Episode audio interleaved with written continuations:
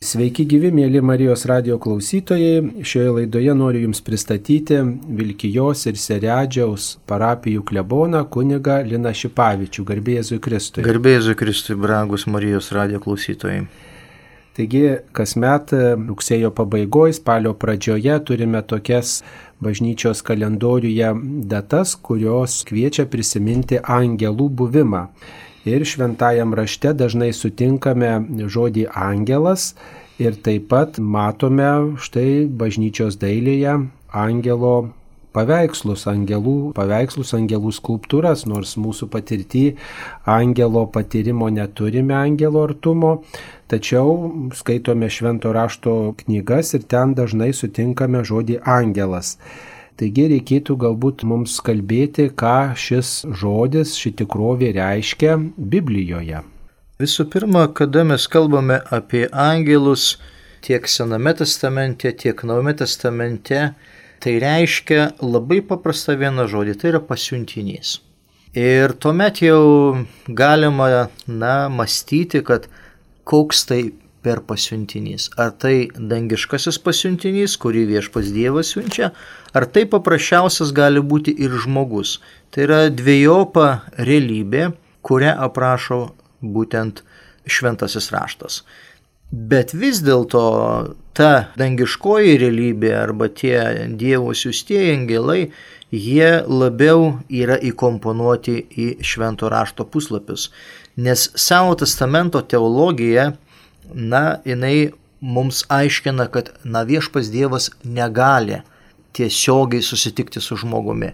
Jisai net negali kalbėti tiesiogiai su žmogumi, dėl to jam reikalingas tas pasiuntinys angelas.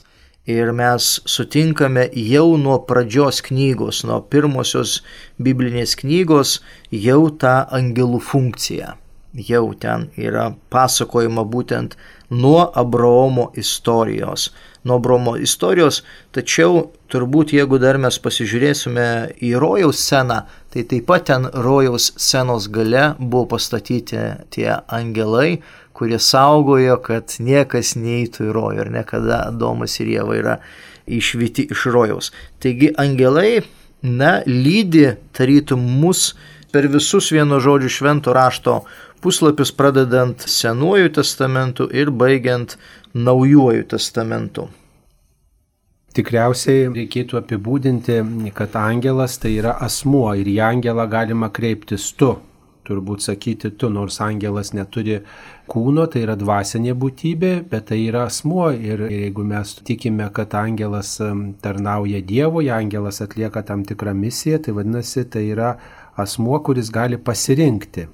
Taip, ir dažnai, tarkime, šventame rašte angelai yra, na, įvardinami tam tikromis, na, dar charakterio bruožais, sakykime, dažnai juos vadina šventaisiais. Kaip pavyzdžiui, Jobo knygoje penktajame skyriuje, penkioliktajame skyriuje, toliau Dievų sūnumis dažnai vadinama. Ir mes taip pat sutinkame Nume testamente, kada ten kalbama apie Dievų sūnus. Ir va štai nežinome, ar tai yra tas žmogus, ar tai yra būtent angelas, ar, tarkime, pažengęs žmogus tame dvasinėme gyvenime. Taip pat e, Sename testamente yra prašome cherubinai, kurių funkcija iš tikrųjų yra, na, palaikyti Dievo sostą. Psalmėje 80 ir 99 kalbama. Toliau yra serafinai, kurie, na, pažodžiu yra tokie degantis, kurie gėda viešpaties garbę. Ir man tas nuostabus iš tikrųjų tekstas pranašo Izaijo, kada Izaijas ateina į šventyklą ir pamato Jahvės tą šlovę. Hebrajiškai kavot Jahve, tą viešpaties garbė.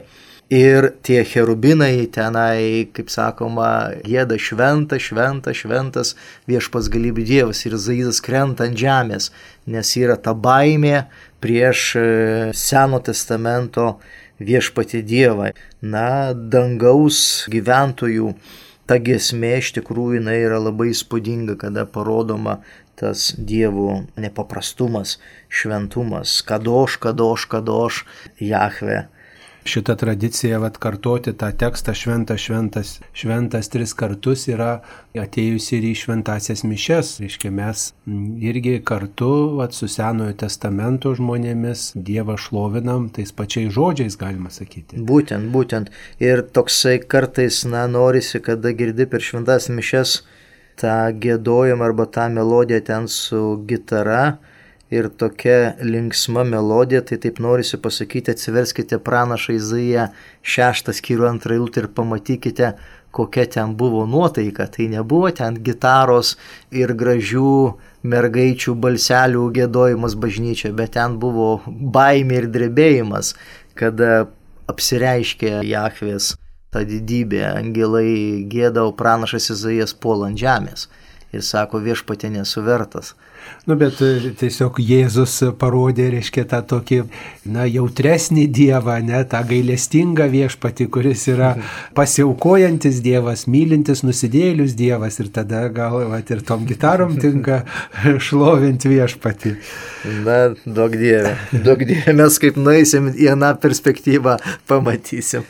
Taigi e, šventam rašte turbūt yra daug vietų, kuriuose pabrėžiama, kad danguje angelai šlovina Dievą ir turbūt tai yra pagrindinė angelų užduotis - teikti Dievui šlovę. Reiškia, kitaip tariant, turbūt sakyti tiesą apie Dievą, būti tiesoji, būti Dievo akivaizdoje ir grožėtis jo tobulumu, jo pilnatve. Na ir tai ypatingai kalba apriškimo knyga paskutinė Naujojo testamento, kad angelai dalyvauja toje dangiškoje liturgijoje kad jie aukoja tą amžinybės auką. Ir ta funkcija taip pat yra, na, ir tarnavimo viešpačių dievui, nes angelai, jie iš tikrųjų tarnauja viešpačių dievui. Bet kas yra svarbiausia, galima skaityti laišką žydams, pirmas skyrius 14 eilutė, kad angelų funkcija yra vesti žmonės į išganimą arba link išganimo.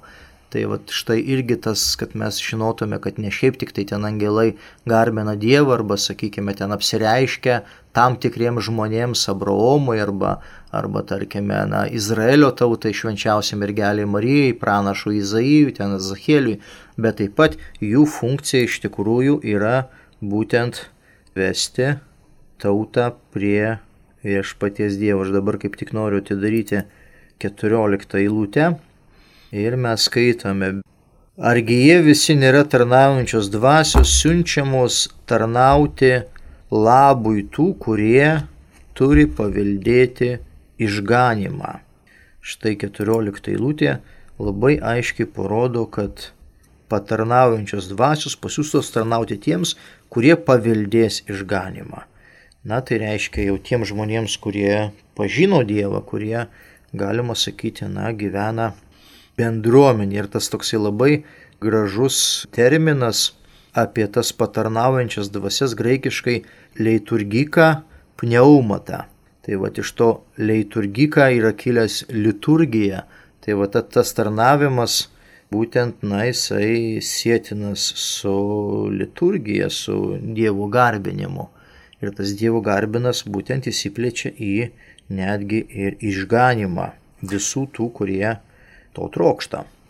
Man viena tokia švento rašto vieta, Mato Evangelijos 22 skyriaus 30 eilutė, primena, kad žmogus tam tikra prasme yra kviečiamas siekti to angelo, to tokios tarnystės būsenos, kad mes čia žemėje įkalinti esam kūne, įkalinti ribotume, įkalinti darbuose, o štai amžinybėje mes jau neturėsim tų rūpeščių, kuriuos turime dabar, bet būsime kaip angelai danguje. Tai reiškia, net ir mūsų šeimos tie santykiai, atrodo, tokie svarbus dabar, kad, atrodo, žmogaus klausia, kas tau svarbu, sako, šeima svarbiausia, bet dangui mes tą šeimą kitaip turėsime patirti, bet mes visi būsim kaip broliai ir seserys. Ir vat, mato Evangelijos 22 skyriuje 30 eilutėje sakoma, kad būsim kaip angelai danguje, nei vesim, nei tekėsim. Tai reiškia, kad mūsų santykiai bus kitokie, tarpusavio santykiai, kitokią dimensiją įgaus, tą broliškumą labiau atrasime. Ir kad mūsų užduotis, kaip ir angelų užduotis, bus šlovinti Dievą. Ir dalyvaudami liturgijoje dabar mes tarsi repetuojame, netobulai galbūt repetuojame Dievo garbinimu patyrimą, kuris visų grožių įsiskleis danguje. Taigi ar galima sakyti, kad mes tam tikrą prasme siekiam būti kaip angelai? Čia vat irgi evangelistas Matas kalba tą žydišką rabinistinę tokią išmintį arba patirtį apie angelus, kad jie danguje, na, jau jų gyvenimas nėra toks pats kaip žmonių žemėje, ar ne? Nėra ten, kaip pats ir minėjai, kad ten šeimos kažkoks tai tai modelis. Jau yra visai kita perspektyva, kita dimencija.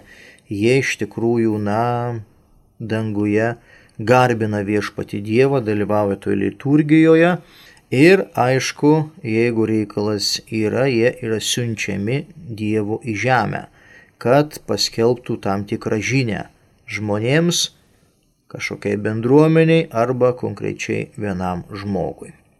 Jeigu jie yra Dievo akivaizdoje ir regi viešpatį ir jie dalyjasi tuo pažinimu, ką žino Dievas, tai angelai daug ką žino, tačiau Mato Evangelijos 24 skyriuje 36 eilutėje rašoma, kad vis dėlto yra dalykų, kurių angelai nežino, nors jie yra Dievo artumoj.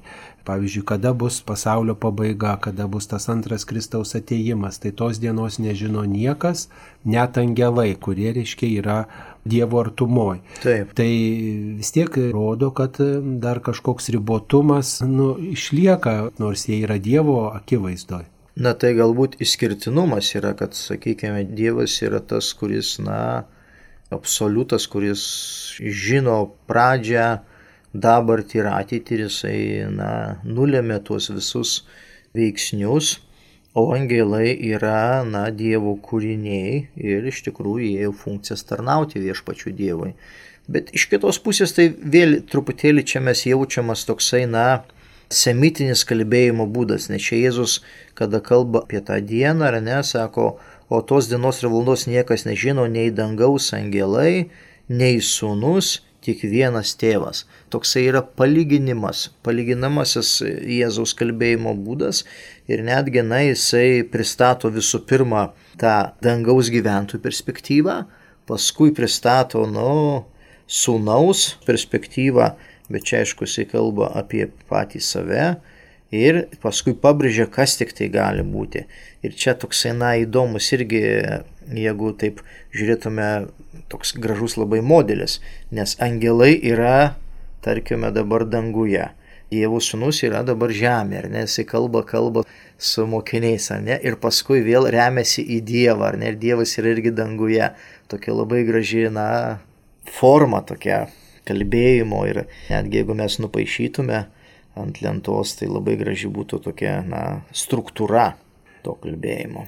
Tuo pačiu gal norima pabrėžti tą tokį Jėzaus kaip žmogaus tam tikrą tokį ir ribotumą, kad jis, na, vat, kaip Dievas yra tobulas, tačiau jis prisėmė tą žmogaus ribotumą ir jis to viso Dievo žinojimo tiesiog negali atskleisti, nes žmogus tiesiog nepriimtų, neprieptų to, ką žino Dievas. Ar taip galima suprasti šitą vietą? Na taip, ir dabar aš žiūriu dar čia tokio į teksto kritiką ir tarkime, kai kurie rankraščiai, na, nevartoja to žodžio sunus.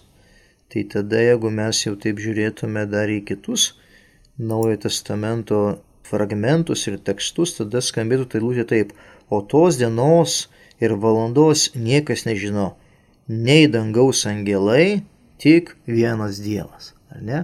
Tai čia iš vis toksai, na, pristatymas, kad ta žinia yra tik tai reikalas dangaus, ar ne, bet net angelai nežino, niekas nežino danguje. Tai mes jau tada apie žemės gyventojų iš vis neturėtų net kažkaip tai rūpintis arba netgi kelt tokio klausimo, jeigu jau pagal šitą vieną iš rankraščių galėtume čia pasižiūrėti, kuriam čia rankraštį būtent nėra.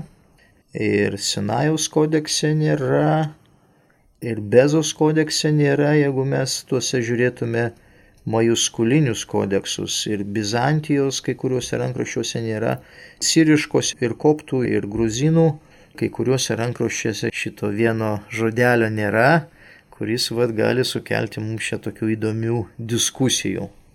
Reiktų taip pat pasakyti, kad angelai, jie paklūsta tam tikrai tvarkai, tam tikrai hierarchijai. Ir šventame rašte apie tai irgi užsimenama, kad angelai priklauso dangaus tvarkai ir jie nėra chaotiškos būtybės, tiesiog taip chaotiškai susitelkia apie Dievą. Aišku, tas įvaizdis galbūt yra iš to metų monarchijos sampratos atėjęs ir viešpats tikriausiai kalba pasitelkdamas mūsų patirtį, mūsų žinojimą, to metu, kada buvo rašomo švento rašto knygos žmonių žinojimą. Tačiau vis tiek norima pabrėžti šventam rašte tokia tam tikras eiliškumas ir tvarka. Tai turbūt irgi yra užuomina į patį Dievą, kad reiškia tai yra Dievo sumanimas, nėra kažkoks atsitiktinis dalykas angelų buvimas. E, žinoma, taip ir toksai truputėlį jaučiamas galbūt toksai kariuomenės struktūra, ar ne, nes vis dėlto jau po Babilonijos nelaisvės ypatingai įsivysto mokslas apie angelus arba pristatymas apie angelus Sename testamente, nes paskui ir Naujame testamente Jėzus kalba apie angelų kariuomenę, ar ne?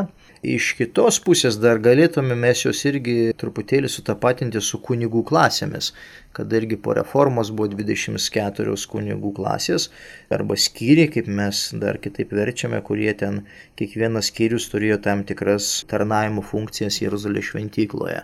Tai galima irgi sakyti, kad maždaug pagal šitus du prototipus, na, Biblija irgi pasakoja angelų funkciją.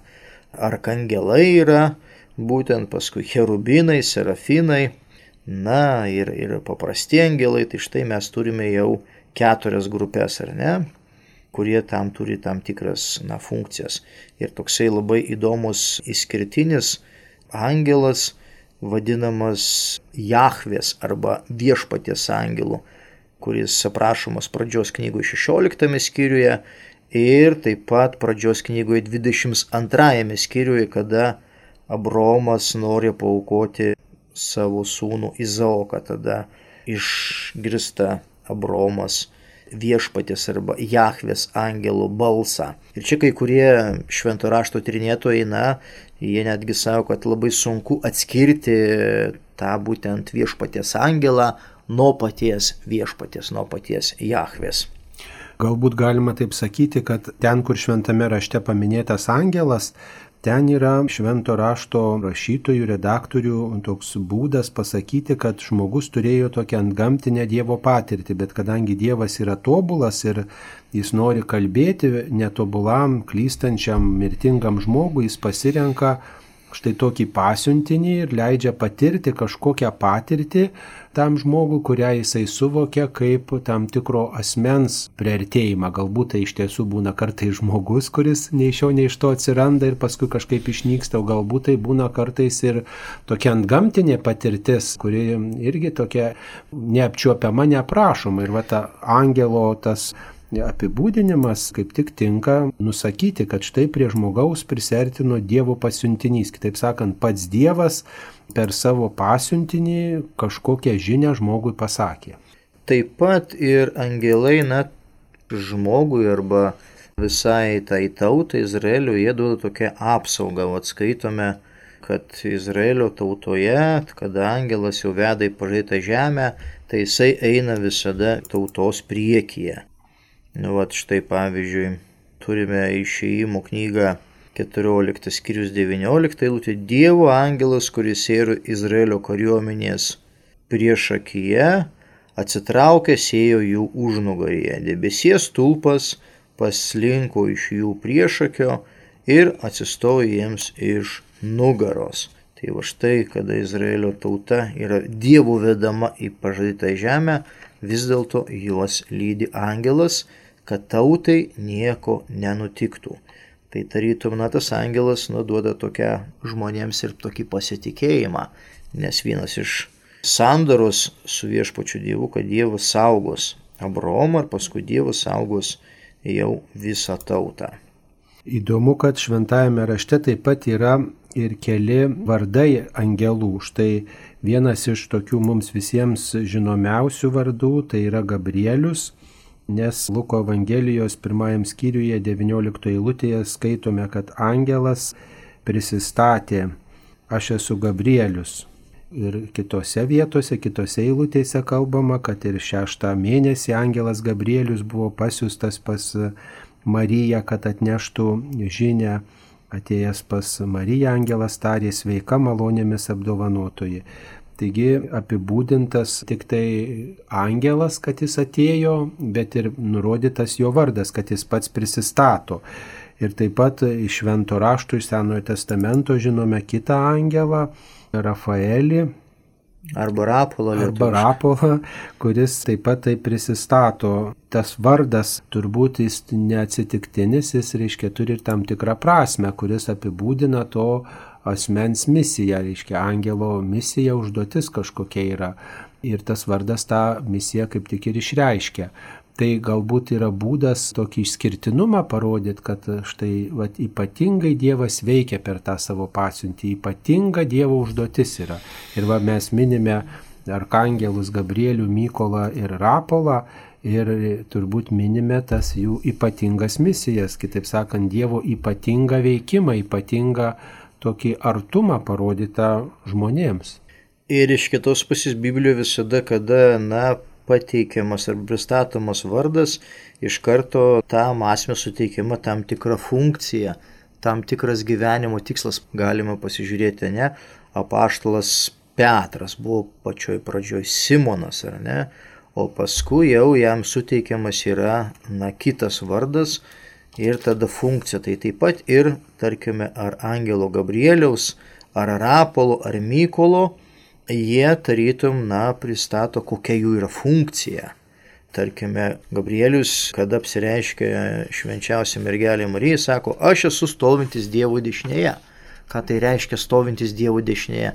Tai reiškia, kad labai arti esu Dievo, o iš kitos pusės turintis labai didelę galę arba turintis didelę labai valdžią. Nes sėdėti dešinėje, tai reiškia tarytum jau būti arčiausiai to, kuris sėdi sostė, ar ne? Dešinė, kairė, dabar mes kada kalbame mūsų dogmatiniais reikalais, tai Jėzus Kristus irgi sėdi Dievų dešinėje, ar ne? Sėdi. O angelas stovi Dievų dešinėje, ne? Tai vat, ta pati, ta pati tokia funkcija, aišku, Kristus yra aukščiau, bet va, tas yra. O, pažiūrėjau, Rapolas, ar ne, tai tas, kuris gydo angelas, ar ne? Bet įdomi ta Rapolo taip pat ir misija, užduotis būti tuo piršliu. Tobijo knygoje. Tobijo knygoje būti piršliu tam žmogui, kuris vat, nesuranda kito šeimos nario. Tai atrodo, čia tik tai Dievas rūpinasi tokiais labai nežemiškais dalykais. Čia va štai Gabrielius, pavyzdžiui, siunčiamas paties Dievo, kad atneštų tokią išskirtinę žinę Viešpaties angelas kitais atvejais saugo, gina, globoja, veda, lydi, primena, perspėja, o čia va tokiuose žemiškose reikaluose, reiškia, superša žmonės. Tai kartu parodo tokį turbūt irgi Dievo dalyvavimą visame žmogaus gyvenime, kad visose srityse Dievas turi ką man pasakyti. Nėra srities, kurios negalėčiau Dievui neatverti, kad visais klausimais reikia su Dievu tartis. Na, bet to santoka tai yra, na, toksai pats turbūt svarbiausias įvykis žmogaus gyvenime, tame biblinėme laikotarpyje ir, tarkime, dažnai netgi pristatomas santykis tarp žmogaus arba tarp tautos,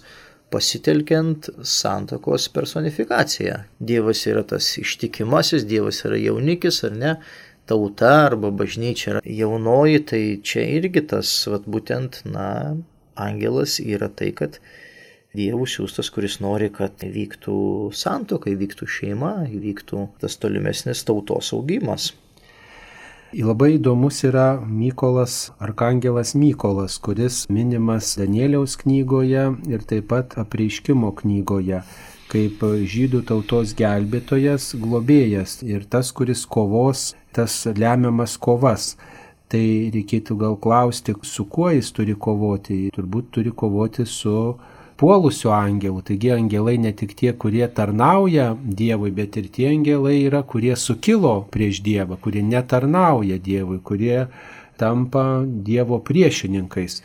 Galbūt apie tai reikėtų mums pakalbėti irgi, kada tie angelai sukilo ir kur apie tai galima plačiau paskaityti.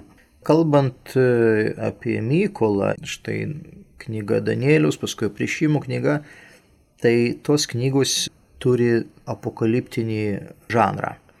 Apokaliptinis žanras Biblijoje atsiranda, na, trečiame amžiuje prieš Kristų. Ezachėlio knyga taip pat turi apokaliptinio žanro, Danieliaus knyga, tos paskutinės Seno testamento knygos jau jos yra tokios, sakykime, mistinio, apokaliptinio proveržio ir taip pat mūsų paskutinė knyga prieškimo, jinai, na, tarytum kopijuoja pranašą Danielių, kopijuoja būtent Ezachėlį ir kitus ir ta prašoma perspektyva tokia enigmatinė dangaus. Ir taip pat kalbama apie tą kovą, kad vis dėlto ne tik tai kovoja bendruomenė, ne tik tai kovoja, tarkime, viešpas Dievas, bet taip pat ir angelai. Ir čia pristatomas angelas Mykolas apriškimo knygoje, kuris kovoja už bendruomenę. Ir ta kova, galima sakyti, kad tai yra su šetonu, su piktaja dvasia arba su tuo puolusiu angelu, bet taip pat galima kalbėti, kad ta kova vyksta ir, sakykime, na, taip kabutės ir prieš Romos imperiją, nes vyko persikėjimas praktiškai nuo 90 metų pradėjo krikščionybė persekioti iki 303 metų. Ir apreiškimo knyga viena tokių jau, jau vėliausių knygų kaip ir visa Jono tradicija apie šimtuosius jeigu metus, tai jau ta pirmoji bendruomenė jau jinai patyrė tą persekiojimą krikščionių ir, ir apreiškimo knyga iš vis parašyta kokiu tikslu, kad paguosti tikinčiuosius, kurie išgyvena dabartinę priespaudą, dabartinius visus sunkumus. Tokiu žvilgsniu mes galėtume žiūrėti į būtent tą situaciją.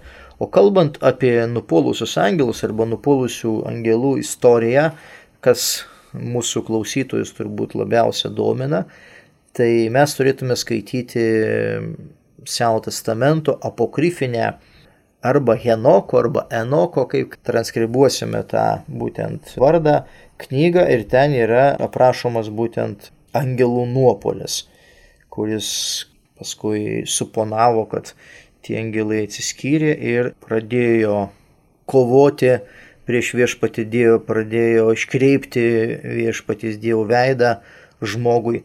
Bet aš galvoju, gal reikėtų mums atskirą laidą padaryti būtent apie tos nupulusius angelus ir tada na, būtų įdomiau, nes dabar mes kalbame bendrai apie angelus, tai tik tai gal keletą tų sakinukų mes pasakysime, kad tai yra Henoko knygoje ir kad taip pat aprašoma rabinistinėje tradicijoje žydų apie šitus angelus ir mes truputėlį na, turime tokių nuotrupų iš Henoko knygos ir iš tos žydų rabinistinės tradicijos būtent Naujame testamente. Bet įdomu, kad nepateko į švento rašto kanoną tos knygos, kurios kalba apie angelų nuopolį, o štai visom šventam rašte ir bendrai bažnyčios tradicijoje tas nuopolio principas gana tvirtas. Nuo to prasidėjo blogis ir ypatingai, kai žmogus pasirinko eiti paskui tą nuopolį ir irgi taip pat pakluso, irgi tą pačią nuostatą perima netarnauti, sukilti prieš Dievą, maištauti. Na tai toks aspektas, kuris mus atitolina nuo Dievo ir kartu nuo tos angelų tikrovės, nuo tos tarnystės, kurią angelai pasirenka sąmoningai. Biblija iš tikrųjų bijojo dualizmo, kad e, žmogus nepradėtų garbinti kažko tai kito nei Dievas. Ir tarkime, pavyzdžiui, kada yra užduodamas egzistenciniai klausimai, kas yra pasaulio kuries, kas yra žmogaus kuries, koks yra žmogaus gyvenimo tikslas. Ir kaip atėjo į pasaulį blogis nuodėmė, tai vis dėlto pradžios knyga mums pasakoja tą pasakojimą, kad e, tas blogis ateina per gyvatės, per žalčio arba per šliužo tam tikrą simbolį. Ir tik tai paskui jau išminties knyga, kuri yra, na, sakykime, viena iš paskutiniųjų, antras amžius prieš Kristų, kurį galėtume pritaikyti prie to čiutne apokaliptinio žanro, ten jau kalbama, kad per šetoną atėjo į pasaulį mirtis, ar ne? Tik tai jau ten toje vietoje yra akcentuojama. Bet, pažiūrėjau, pradžios knygoje trečiajame skyriuje tai kalbama, kaip tam tikras personažas, sako, žaltys buvo na, protingesnis, gudresnis už visus lauko žvėris, ar ne? Tai va štai toksai ir jisai aprašomas, kaip suvilioja būtent Dievą ir paskui Adomą. Tai va irgi čia tarytum toksai yra, na, apsauga arba saugojimas to skaitytojo, klausytojo, kad jisai, na, nesusikurtų savo dar kažkokio tai būtent stabo, kaip tas puolęs angelas Luciferis, ar ne, kaip mes žinome, šviesos angelas kažkada tai buvęs, o paskui jisai, na, yra nupuolęs angelas. Nes buvo tam tikra erezija bažnyčios gyvenime, kada, reiškia, ta Dievo tikrovė ir piktojo tikrovė laikyta tokiomis lygiavertėmis tikrovėmis. Tai Dievas yra tas, kuris yra gėris, o blogis tarsi yra nu, atsvara bet tai iš esmės Luciferis, puolė šviesos angelas, kuris nutarė netarnauti, yra viso labo tik tai kūrinys kaip angelas. Taip. O Dievas yra visako, viso gėrio šaltinis, bet įdomu, kad to puolusio angelo būtyje taip pat yra gėrio, nes jis yra sukurtas Dievo. Tai krislelis gėrio net yra blogio šerdį, jeigu taip galima sakyti. Na ir pavyzdžiui, vis dėlto, kada mes skaitome Jobo knygoje, kada ateina šetonas, tai vis dėlto, na, jisai yra paklusnus Dievui. Sako, va, sako, pasiūs mane pas Jobą, aš ten jam duosiu išbandymą, ar ne, bet Dievas duoda jam leidimą. Tai vis dėlto Dievas turi galę ir valdžią, ir galę ne tik tai tiems angelams, kurie yra danguje, bet ir tiems, kurie nėra danguje. Bet įdomu turbūt tai yra vienintelė švento rašto vieta, kur Dievas eina į dialogą su tuo šėtonu, kuris yra blogis, ne, ir leidžia, leidžia tam blogiui būti.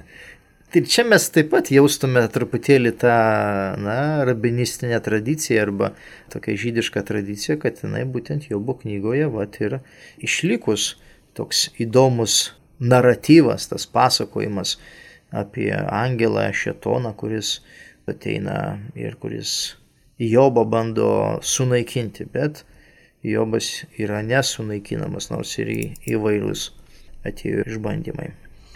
Angelų buvimas yra ne tik tai kaip tokia kažkokia abstrakti tikrovė, retkarčiais įsiterpinti į žmogaus gyvenimą, bet pavyzdžiui Jėzaus gyvenime tokiais pačiais kritiškiausiais, tokiais reikšmingiausiais gyvenimo momentais taip pat angelo buvimas pabrėžiamas.